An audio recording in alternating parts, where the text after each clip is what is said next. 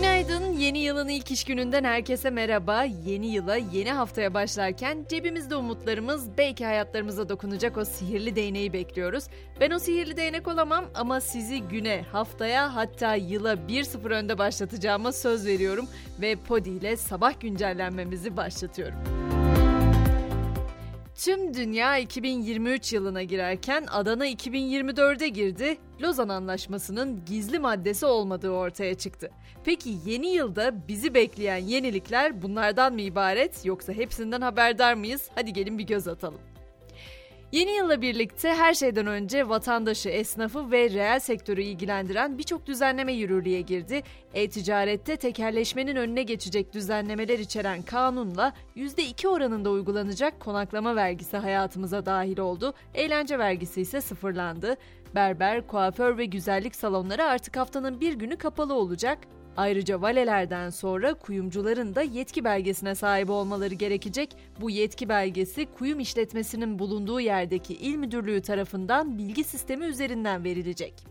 Zamlar konusuna gelecek olursam vergi, harç ve cezalardaki artışı belirleyen yeniden değerleme oranı %122,93 olarak belirlenmişti hatırlayacaksınız. Özel iletişim vergisi bu zamla birlikte telefon kullanan ve evinde internet olan herkesin faturasına 21 lira 67 kuruş olarak eklenecek. Cep telefonu faturalarından aşina olduğumuz telsiz kullanım ücreti de aylık 9 lira 43 liraya yükselecek. Yurt dışından getirilen telefonların kayıt harcı 6091 liraya çıkarken 4 ila 10 yıla kadar geçerli olacak olan pasaport ücreti de 3295 lira oldu.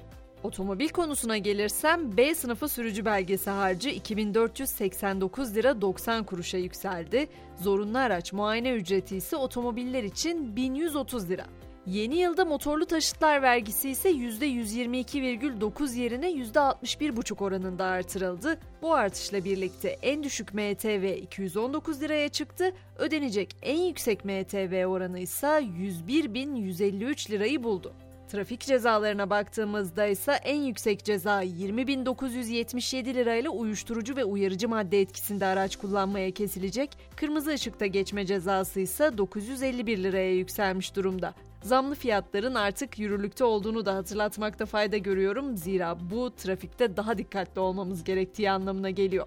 Son olarak köprü ve otoyol ücretlerine zam yapıldığı iddiası da çokça konuşuldu dün ama bu iddianın Karayolları Genel Müdürlüğü tarafından yalanlandığını da belirteyim. Asgari ücret ve EYT geçtiğimiz yılın sonunda netleşmişti. Peki bu kadar fiyat güncellemesinin ardından memur ve memur emeklilerine yapılacak zam ne olacak? Akıllardaki soru bu. Memurlar SSK ve Bağkur emeklilerinin maaşlarının belirlenmesinde yarın açıklanacak 6 aylık enflasyon verisi kritik önem taşıyor. Netleşecek oranın üzerine refah payı verilmesi de bekleniyor. Dünya gündemine baktığımızda ise yıl bitti ama savaş bitmedi ne yazık ki. Altyapı ve enerji tesislerinden sonra Rus Silahlı Kuvvetleri 31 Aralık'ta Ukrayna'daki savunma sanayisi tesislerini vurdu. Rusya bu tesislerin kendilerine karşı terör saldırıları gerçekleştirmek için kullanılan İHA'ların üretiminde yer aldığını belirtiyor. Avrupa'ya baktığımızda ise Schengen bölgesine dahil olan yeni bir ülke var. Avrupa Birliği'ne 2013 yılında üye olmuştu Hırvatistan ve yeni yılla birlikte o da artık Schengen bölgesinin bir üyesi. Ülkede 28 yıldır kullanılan para birimi Kuna'nın yerini de artık Euro aldı.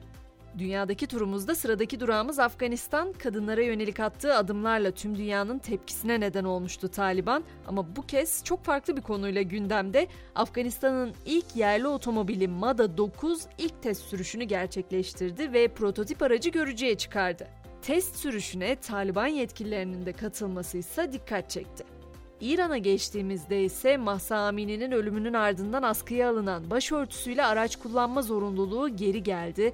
Araç içerisinde başörtüsü kuralını ihlal eden araç sahiplerine İran Emniyeti tarafından aracınızda başörtüsü kuralı ihlal edilmiştir mesajları gönderilmeye başlandı. Teknoloji ise hız kesmiyor. Fast food zinciri McDonald's, ABD Texas'ta ilk insansız restoranını hizmete sundu. Nasıl işliyor bu sistem diye sorarsanız şöyle anlatayım. Sistemde müşteriler dokunmatik ekranlardan ve ses tanıyan arayüzlerden verdiği siparişlerini hazır olduğunda kayar banttan teslim alıyor. Yurt dedik, dünya dedik, uzaydan da söz edelim. En son Neandertaller zamanında görülen bir kuyruklu yıldız dünyanın çok yakınına gelmeye hazırlanıyor. Her 50 bin yılda bir güneşin yörüngesinde dönen kuyruklu yıldızın 1 Şubat'ta dünyaya en yakın yaklaşımını yapması bekleniyor. Üstelik bu kuyruklu yıldızın 40 milyon kilometre ötedeyken çıplak gözle görülebileceği söyleniyor. Geçelim spor dünyasına orası da oldukça hareketli. Efsane ismin yeni adresi belli oldu. Portekizli futbolcu Cristiano Ronaldo Suudi Arabistan'ın Al Nassr takımına transfer oldu. Ronaldo yeni takımıyla 2025 yılına kadar sözleşme imzaladı. Ronaldo'nun transferinden sonra Al Nassr kulübünün Instagram'daki takipçi sayısı ise 800 binden tam 5.7 milyona yükseldi.